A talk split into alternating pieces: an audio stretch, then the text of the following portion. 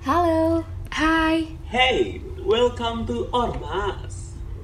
Obrolan masa depan. Hai hai muda-mudi Ormas semuanya Berjumpa lagi nih ya Kita akhirnya di season ketiga Yuhu Yeay, iya nih setelah hiatus seminggu dari episode Ormas season 2 yang lalu Tapi nih kita tetap selalu berharap semoga muda-mudi Ormas selalu tetap sehat selalu Pokoknya harus deh itu Iya, amin dong Insira. Tapi emang ya sebenarnya dengan hiatusnya kita selama seminggu kemarin nih sampai lanjut ke season 3 gini, pasti bakalan ada sesuatu yang super duper menarik dong tentunya. Benar tuh yo, tapi nggak cuma lebih menarik dari season sebelumnya Karena di season ketiga ini bakal muncul figur-figur keren dan juga menginspirasi Ya lama-lama Ormas jadi semakin terdepan aja gitu gak sih? Apalagi udah masuk season 3 gitu kan Bener gak guys? Iya betul banget nih. Tapi nggak cuma terdepan, semoga ke depannya kita bakal menjadi yang terfavorit nih buat muda-mudi ormas dan wajib jip jip jip buat muda-mudi ormas denger dengerin season 3 kita kali ini. Emang paling mantep deh nih Ormas ya By the way, kita sapa-sapa dulu kali ya ke muda-mudi Ormas nih. Gimana nih kabarnya muda-mudi Ormas? Gimana rasanya pas tahu kalau Senin minggu depan itu kita udah masuk Aduh, semester baru? baik-baik dan Aduh. selamat sih. Ini agak mendengar mau masuk kuliah jadi agak pusing-pusing gimana gitu ya. Eh, tapi kita nggak sabar dong. Kita mau kuliah online, ketemu lagi sama teman-teman ya meskipun lewat daring ya. Nggak apa sih, emang keadaannya masih kayak gini. Jadi nikmatin aja, enjoy gitu. Oke, nah Insira semangat Insya apa Allah semangat gimana nih Ra? Harus semangat kak. Kolon. Oke. Semangat dong ya buat ngerjain tugas-tugas kolon ya. Iya iya. Waduh waduh. Kalau udah ngurusin namanya tugas kuliah gitu ya, Insira atau Papina itu pasti udah kayak ngebuat mental down gitu. Tapi gak apa-apa, soalnya kan kita di awal semester nih dan kita pasti butuhnya eh, tentunya butuh adaptasi di awal ini biar kita bisa menyesuaikan diri. Dan ngomong-ngomong nih eh, soal adaptasi sama seperti episode kali ini kita bakal eh, apa yang kayak tadi udah kita spill gitu ya di awal-awal bakal ada yang sesuatu yang baru dan bakalan ada yang namanya figur spesial dan menginspirasi tentunya. Duduh, kira-kira siapa ya? Tiba-tiba udah datang aja nih kan figur-figur keren di episode Ormas gitu kan. Daripada lama-lama lagi, mending gue kasih clue aja nih. Nah, jadi clue-nya pada podcast hari ini kita bakal kedatangan tamu mahasiswa Universitas Brawijaya yang spesial banget dan bertalenta. Jago public speaking juga nih. Aduh, mantep Loh, banget. ini Siapa Aduh, nih? Ayo tebak siapa? no. Oke siapa ya? Eh, mending langsung kita spill aja nih. Jadi guest gestar kita, cia gestar. Di episode kita kali ini adalah Kal Farizi dan Kayara dari Putra Putri Brawijaya. Wow, Hai hai semuanya, banget. halo Rio, halo Vina, halo Insira. Iya, sumpah nggak expect sih kayak tamu di episode pertama season 3 kali ini sekeren ini ya kan Gokil Dan bener banget nih Insira sama Afina dan mungkin karena kita tadi udah nyebutin gitu ya nama dari gestar kita kali ini dan dari mana asalnya gitu ya. Mungkin kita bisa sapa dan juga kenalan dulu kali ya. Halo Alfarizi dan juga Yara, gimana kabarnya hari ini? Halo, halo Rio.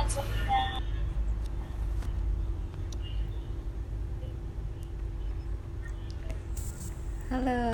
Halo Aduh, rebutan diri ya. Tapi eh, kita kedatangan tamu spesial gitu ya. Tadi udah ada Alfarizi dan juga Yara. Pasti eh, kita penasaran dan kira-kira ini mereka siapa gitu. Mungkin boleh kali ya kita perkenalan singkat aja. Boleh mulai dari jurusan boleh, terus angkatan boleh, asalnya boleh, terus pokoknya random aja deh yang bisa memperkenalkan Oke. Juga Oke, Yara. mungkin dari aku dulu kali ya. Boleh boleh. Oke, dulu? halo semuanya. Kenalin nama aku Oke, Alfarizi Judito Putra. Mungkin bisa dipanggil aja Izzy. Aku dari Administrasi Bisnis angkatan 2002, angkatan 2019, sorry, bukan maba gitu. Nah, eh, aku asalnya dari Jakarta gitu. Oke, halo semuanya. Kenalin nama gue Rasa Vera Putih Sakina. Teman-teman di sini bisa manggil gue Yara. Eh, gue dari Administrasi Publik angkatan tahun 2019. Salam kenal semuanya. Oke. Oke. Oke, halo semuanya. Kenalin nama gue Rosa Putri Sakina. Teman-teman di sini bisa manggil gue Yara. Eh, gue dari Administrasi Publik Angkatan tahun 2019. Salam kenal semuanya. Salam kenal, Kak Yara. Salam kenal buat Kak Alfa Rizi dan juga Yara nih. Tapi eh, tadi setelah perkenalan gitu ya, pasti eh, mahasiswa seorang mahasiswa gitu ya. Dan mahasiswa ini eh, ke depannya bakal sibuk-sibuk sama yang namanya eh, kuliah dan juga tugas. Tapi terlepas dari kuliah dan tugas nih, eh, ada Alfa Rizi dan juga Yara. Sekarang sebenarnya lagi sibuk ngapain sih? Oke, oke kalau misalkan dari aku sendiri Oh, selain jadi gitu. mahasiswa yang kerjaannya kuliah dan nugas gitu ya. Aku juga ikut organisasi Putra Putri Brawijaya yang ngerepresenta- ngerepresentasi ini mahasiswa-mahasiswa UB lainnya gitu dan ada beberapa organisasi-organisasi dan kepanitiaan di luarnya juga sih. Oke, kalau dari aku sendiri, aku eh, kesibukannya sekarang selain jadi mahasiswa dan eh, yang sibuk nugas dan ya sibuk nugas lah ya gitu ya nantinya. Kalau, Eh, eh, aku sekarang kesibukannya eh, lagi ikut beberapa kepanitiaan, ikut organisasi di dalam kampus juga di luar kampus, salah satunya juga Putra Putri Brawijaya dan lagi sibuk ngisi-ngisi job juga jadi MC, jadi speaker, jadi moderator dan lain sebagainya. Wah, menarik banget nih kegiatannya eh, produktif sekali gitu. Tapi kalau tadi ada organisasi gitu ya, terus juga ada yang namanya eh, kerja sampingan. Nah itu berarti kita lagi di Malang atau lagi di mana nih sebenarnya? Eh, kalau aku masih di Jakarta, eh, nggak di Malang, Iya, karena kan juga sibuk-sibuk kegiatannya nih. juga masih online ya, jadi bisa dilakuin di selain di Malang gitu. Hmm, kalau Alfarisi gimana? Lagi di Malang atau di mana ini? Atau di rumah aja? Oke, kalau aku juga eh, kebetulan di Jakarta ya di rumah, biar ya lumayan ngirit gitu ya. Kalau misalkan di Malang kan harus keluar uang untuk ngekos segala macemnya.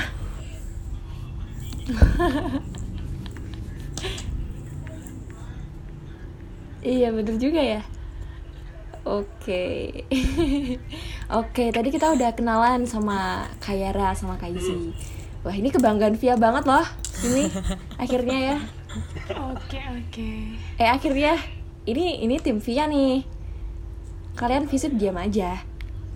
Wih, aduh. Eh, fisik Oke. juga keren ya, Rio. Ya nggak, Rio? Kita langsung aja nih ke topiknya. Sebenarnya banyak banget kayak muda-mudi yang kepo. Nih putra putri Brawijaya itu apa sih gitu? Seleksinya kayak gimana? Terus eh, nanti tuh orientasinya mau ke mana? Kayak gitu. Boleh nih Kayara sama Kaizi buat cerita Oke, dari mana eh, sebelumnya mungkin aku jelasin apa. dikit dulu ya. Sebenarnya Putra Putri Brawijaya itu apa sih gitu. Nah, sebenarnya Putra Putri Brawijaya itu eh, purely kita tuh perwakilan dari para mahasiswa nih buat ke eksternal atau di luar UB gitu. Kan nggak mungkin ya kalau misalkan kita tuh ada eh, kunjungan keluar tapi yang join seluruh mahasiswa UB kayak agak banyak gitu. Nah, kita tuh jadi eh, perwakilan teman-teman semua nih yang ribuan orang uh, mahasiswa UB. Nah, untuk uh, gimana caranya bisa masuk ke Putra Putri, sebenarnya ada beberapa seleksi sebelumnya dan ada karantina-karantinanya juga gitu. Mungkin dari seleksi Yara juga mau bantu untuk jelasin. Oke, jadi kalau misalnya untuk seleksi pertama-tama itu biasanya dari eh, pihak Putra Putri Brawijaya itu ngebuka open registration nih buat eh, jadi Putra Putri Brawijaya selanjutnya untuk periode berikutnya gitu ya. Setelah itu kita daftar, abis itu kita eh, ikut seleksinya seleksi 1, seleksi 2, kemudian setelah itu akan diumumkan menjadi finalis, baru deh kita ikutin beberapa karantina-karantinanya kayak gitu. Dan kalau misalnya untuk seleksinya, kita tuh ada kayak open interview, terus juga kita ada eh, ada tes eh, wa- wawancara terus juga ada tes tertulisnya juga kurang lebih kayak gitu sih.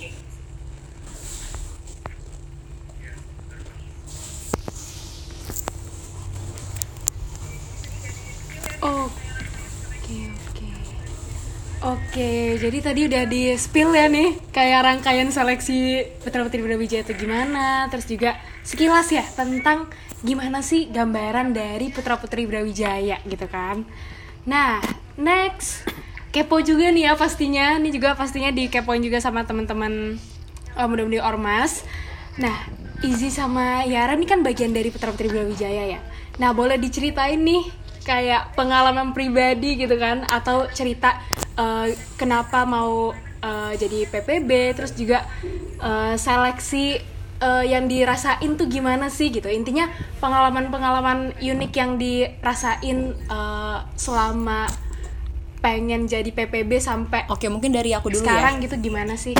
Jadi em, awalnya itu aku sama Izzy ini eh, dari sebelum dari 2019 itu kayak suka bercanda-canda nih kayak kalau kita jadi PPB tuh gimana ya kita kayak menjadi seorang duta tuh gimana sih kayak eh, suka bercanda-bercanda gitulah kita berdua ini. Kemudian pas eh, masuk ke tahun 2020 di akhir tahun buka nih pendaftaran buat jadi PPB terus kita kayak aduh masuk nggak ya masuk nggak ya? Kayak masih agak ragu-ragu gitu cuma kayak ah udahlah eh, kata si Izzy udahlah ya kita coba aja kapan lagi kan kita coba lagi. Akhirnya kayak oke ya udah kita coba. Dan akhirnya bener-bener dari mulai persiapan eh, dari mulai pendaftaran berkas aja tuh kita bener-bener barengan dari awal dari yang foto bareng kemudian kita juga input data bareng eh, kemudian juga kita ngirim berkasnya juga bareng. Jadi bener-bener bareng eh, dan itu juga menjadi salah satu memori juga sih sama Izzy gitu sih aku Oke, kalau misalkan dari aku sebenarnya cerita uniknya itu eh, sebelum Putra Putri ini kebetulan aku agak gondrong gitu ya kan kayak norak kaget jadi mahasiswa gitu. Jadi kan rambutnya tuh dipanjang-panjangin gitu kan. Nah, kayak harus rela nih harus potong rambut demi bisa daftar ini Putra Putri karena kita harus ada foto profilnya dulu yang dikirim ke eh, Putra Putri gitu. Nah, perjalanannya perjalanannya kita sebenarnya nggak eh, mulus-mulus banget sih kayak kita persiapan dari pagi ke pagi ngafalin materi belajar keubean segala macamnya jadi kayak ya bukan seneng-senengnya doang lah yang Iya, kita jadi, eh, prosesnya rasain gitu. dari berbagai apa dari prestasi yang udah dicapai itu emang perlu ada bumbu-bumbu drama gitu ya. Kayak tadi rela yang dari rambut kesayangannya jadi dipotong gitu Kaizi oke langsung aja next ke pertanyaan selanjutnya. Eh, kayak tadi setelah seleksi dan menjadi bagian dari putra putri Brawijaya gitu ya pasti kan aktivitasnya bakal banyak banget nih Uh, kayak misalnya tadi yang dijelas sama Kak Yara tadi kayak misalnya jadi MC, jadi uh, speaker dan sebagainya kayak gitu dan pasti ketemu sama orang banyak kayak gitu kan. Nah, kira-kira nih dari Kak Yara sama Kak Izzy tuh gimana sih caranya untuk manajemen waktu gitu? Apalagi nanti kalau misalnya udah semester Kak Yara sama Kak Izzy kan bakal mau semester 5 kan ini. Ya kan? Nah, itu gimana tuh kira-kira? Pasti bakal hektik tapi juga tetap on duty gitu gimana tuh caranya? Oke.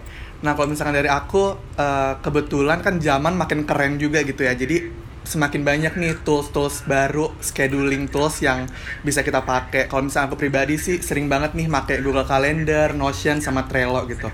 Jadi eh, aku benar-benar maksimalin banget keberadaan tools ini biar jadwal aku di Putra Putri nggak bentrok sama jadwal perkuliahan dan nggak bentrok juga nih sama organisasi dan kepanitiaan lainnya gitu sih.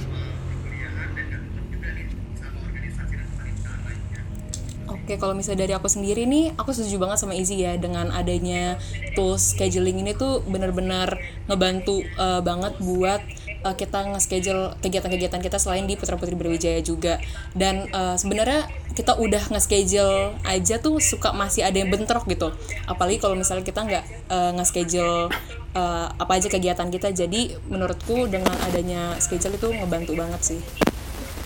Oke, menarik banget nih. Berarti intinya itu eh, sebagai orang yang mungkin eh, banyak kegiatan dan juga jam terbangnya tinggi untuk kegiatan, mungkin bisa digunakan kali ya untuk beberapa aplikasi ataupun kayak sistem manajerial waktu buat eh, mengakomodir biar waktu kita tetap tertata baik gitu ya, Kak Alfarizi dan juga Yara.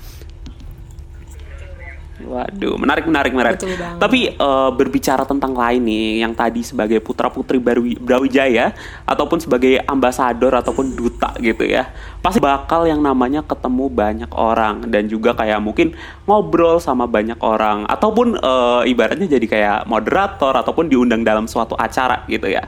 Nah, sebagai eh, orang yang dibutuhkan dalam hal tersebut gitu ya, bener gak sih kalau semisal yang namanya eh, duta ataupun putra putri Brawijaya gitu harus punya yang namanya skill public speaking ataupun kayak harus jago banget nih yang namanya public speaking buat eh, mungkin ngepromosiin apalagi kan eh, putra putri Brawijaya kan harus ngepromosiin universitasnya sendiri gitu ya. Nah mungkin boleh kali ya cerita terus juga eh, pengalaman dari eh, yang tadi aku tanyain gitu. Dari siapa dulu nih? Boleh. Hmm, boleh boleh. dari aku dulu kali ya Em, eh, pastinya yang tadi udah dibilang sama Rio juga kalau misalnya kita sebagai putra putri Brawijaya tentunya emang harus apa ya dituntut untuk bisa public speaking gitu ya dan eh, sampai saat ini pun aku pribadi juga masih belajar banget nih buat bisa eh, apa ya memaksimalkan apa ya skillku di dalam public speaking gitu. Dan eh, aku rasa itu juga memang by time sih bisa untuk bener-bener pede di depan ngomong di depan orang atau misalnya bisa ngebawain acara tuh yang bener-bener bagus dan lancar. Itu juga menurutku eh, butuh waktu dan butuh eh, apa ya latihan yang banyak kayak gitu sih. Dan kalau misalnya untuk pengalaman eh, contohnya pas mungkin aku ceritain pas pas karantina jadi eh, aku tuh nggak sama sekali nggak ada expect kalau misalnya nanti tuh oh PPB tuh bakal ada Q&A yang eh, pertanyaan-pertanyaan yang seperti apa gitu-gitu dan itu tuh kan langsung on the spot gitu ya. Dan itu tuh bener-bener yang aduh bikin deg-degan banget bikin yang aduh gimana nih eh, ngejawab ngejawab pertanyaan-pertanyaan dari kakak-kakak PPB yang eh, eh, seniornya seperti itu ya.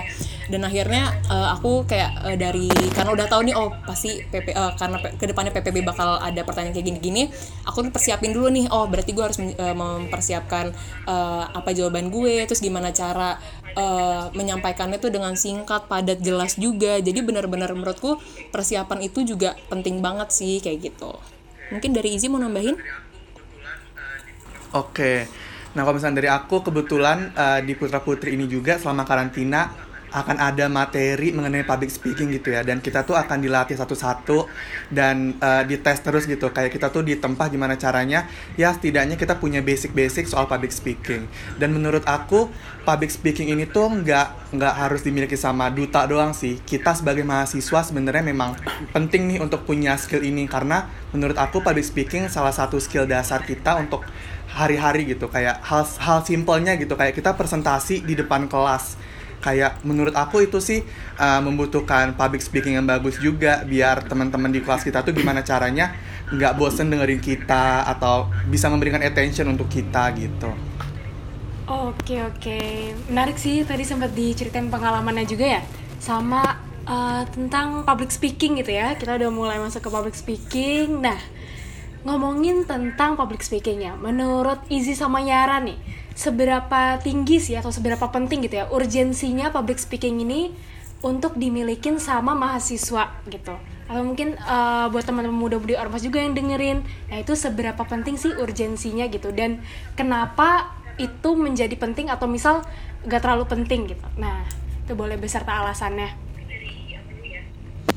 Mungkin dari aku dulu ya oke seperti yang udah dijawab sama Izzy tadi, seperti disinggung sama Izzy tadi di awal, kalau misalnya public speaking itu nggak eh, nggak cuma di harus dimiliki sama duta juga, tapi harus dimiliki sama semua orang gitu ya. Dan memang public speaking ini sebenarnya harusnya sih menjadi skill apa ya skill dasar karena kita kan hidup eh, bersosialisasi, ketemu banyak orang, dan ini dengan kita memiliki public speaking yang baik, itu juga akan apa ya me- me- apa ya mendukung eh, kehadiran kita kayak gitu sih kalau dari aku. Oke, kalau misalnya dari aku yang udah aku bilang juga gitu ya tadi, memang penting banget. Siapa pun itu memang penting banget nih untuk butuh skill untuk butuh skill public speaking. Karena kayak nggak mungkin dong kita nggak nggak ngobrol nggak ngomong sama orang gitu. Kayak walaupun kita ngobrol cuman di depan 5 atau 4 tiga orang menurut aku tetap butuh skill juga sih untuk bisa pede dan Oke. berani gitu. Waduh, keren banget ya. Berarti apa pun intinya, mulai dari sedikit orang ataupun banyak orang gitu, yang penting eh, yang namanya public speaking ini emang harus benar-benar dibutuhin gitu. Soalnya ya banyak fungsinya, nggak cuma satu ataupun dua, tapi eh, buat ke depannya juga menarik sih. Dan mungkin ya eh, boleh nih Kak Alfarizi ataupun Kak Yara kasih tahu dong ke muda-mudi ormas, kira-kira apa aja sih benefit ataupun keuntungan yang didapat ketika eh, mungkin seseorang melakukan public speaking gitu.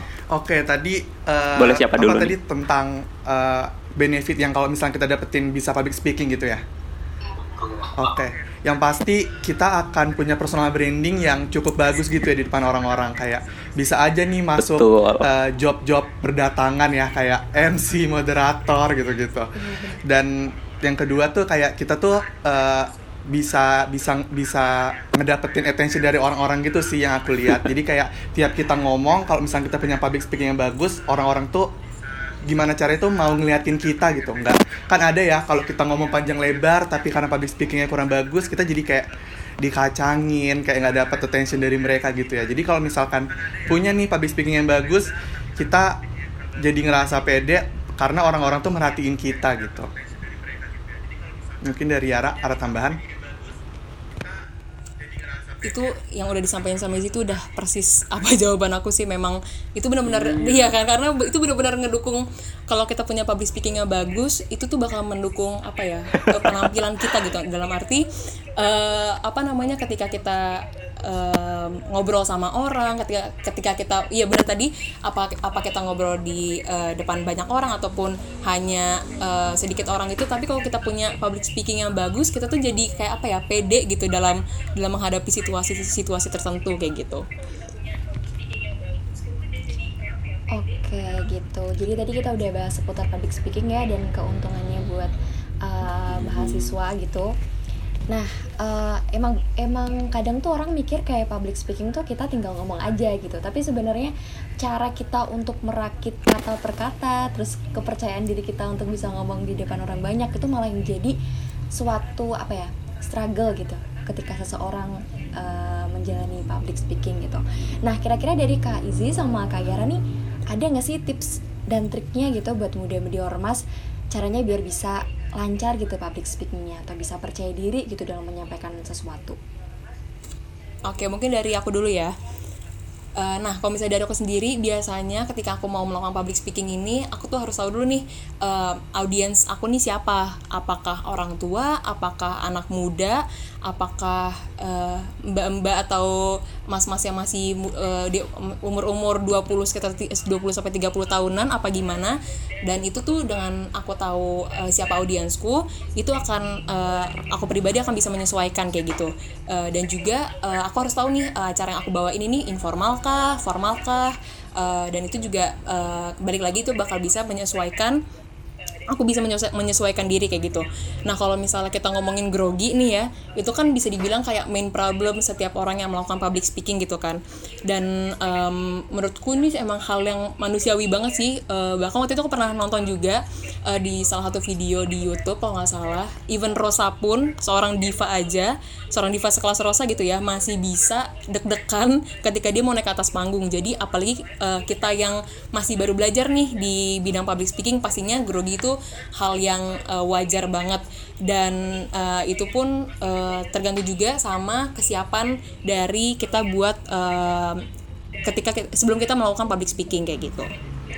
Oke, kalau tambahan dari aku sih yang pasti banget nih banyak-banyakin latihan deh mau di depan kaca sendirian atau kalau misalkan mau call sama teman gitu. Itu penting banget karena kadang nih teori sama realita di lapangan tuh agak beda gitu ya. Apalagi kalau misalkan kita lagi public speaking nih di tengah-tengah acara terus tiba-tiba panik. Kayak nggak akan kepikiran tuh teori-teori yang udah kita pelajarin kayak tiba-tiba aja tuh muncul insting kita sebagai manusia untuk inisiatif ngelakuin yang terbaik gitu kan. Jadi menurut aku banyak-banyakin latihan sama banyakin jam terbang juga karena sekali kita tahu nih di lapangan kita gimana kita akan tahu juga eh, kekurangan kita tuh ada di mana. Jadi kita bisa belajar lagi nih eh, biar memperbaiki kekurangan-kekurangan yang ada gitu sih. Aku mau nambahin izin lagi boleh nggak? Oke. Boleh, boleh. Nah, ini fun fact juga aku tuh sama Izzy sebelum kita eh, mau melakukan public speaking gitu ya, misalnya kita ada mau nge-MC atau kita mau nge-moderatorin suatu acara, kita tuh biasanya latihan bareng di malamnya. Jadi kayak eh, oke, ya lo dulu. Oke, jadi aku bakal latihan eh, ceritanya Izzy tuh adalah audiens aku dan aku langsung kayak oke Izzy, eh, oke, eh, jadi selamat datang lalala. Jadi kayak bener-bener eh, latihan latihan sama kayak sama audiens gitu kayak lagi pas hari H dan menurutku itu bener-bener ngebantu banget buat ngelatih public speaking kita kayak gitu. Enggak, aku mau aku mau ini aja sih nge- nge-highlight gitu. Kalau misalkan agak aneh sih sebenarnya latihannya gitu ya, kayak berdua seakan-akan rame, tapi memang salah satu belajarnya tuh ya memang kayak gitu gitu. Oke oke menarik banget sih ya guys kita dari Kak Izzy tadi mau nambahin dapat tips and trick nih langsung dari putra putri Brawijaya ya kan dan tadi kalau aku simpulin tipsnya tuh pastinya grogi tuh wajar ya teman-teman. Wajar banget. Eh, dan tadi juga eh, sempat disampaikan kalau banyak Betul, juga betul, orang di luar sana yang eh, merasa grogi juga jadi is okay banget. Dan yang paling penting adalah latihan gitu ya. Latihan tadi berdua seakan-akan rame gitu ya. Buat latihan itu benar-benar penting banget untuk ngelatih public speaking.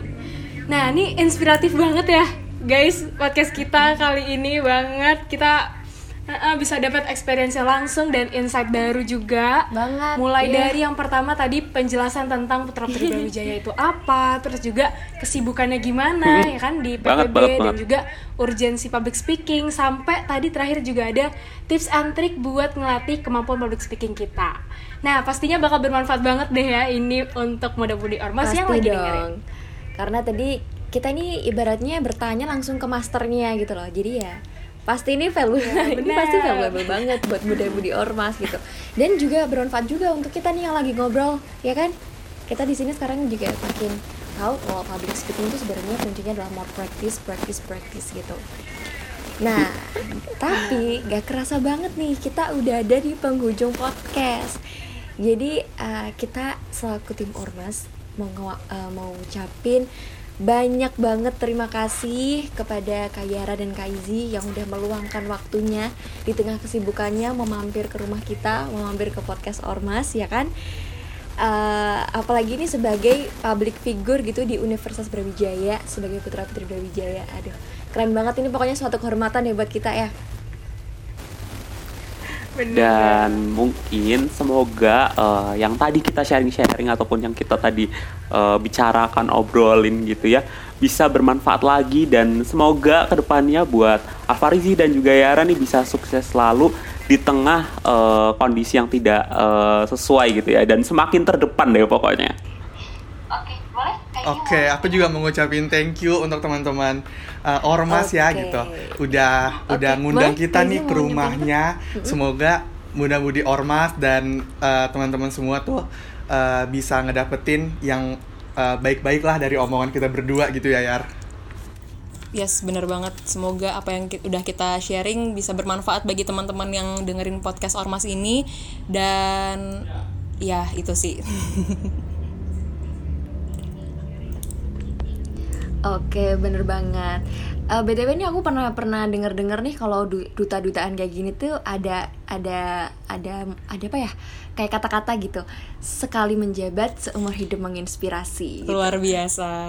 Jadi semoga Kayara Iya, Kayara dan Kaizi semoga semakin bisa menginspirasi di lingkungan Universitas Brawijaya, di lingkungan masyarakat, terus nanti juga makin sukses. Pokoknya semakin shining, shimmering, splendid pokoknya. Amin amin. Makasih banyak semuanya ya udah ngundang-ngundang kita. Oke, karena eh, kita tadi udah ngomong banyak lebar kali ya. Dan buat terakhir, kita nggak bosan-bosan buat ngingetin buat selalu dengerin podcast Ormas di hari Kamis jam 17.30. Dan mungkin kita akhiri aja kali ya. Eh, dari aku apa siapa dulu nih? Dari Afina dulu aja deh. Boleh, boleh. Oke, dari gue nih. Oke, gue Afina. Gue Rio. Gue Insira, pamit undur diri. See you next week. Bye-bye.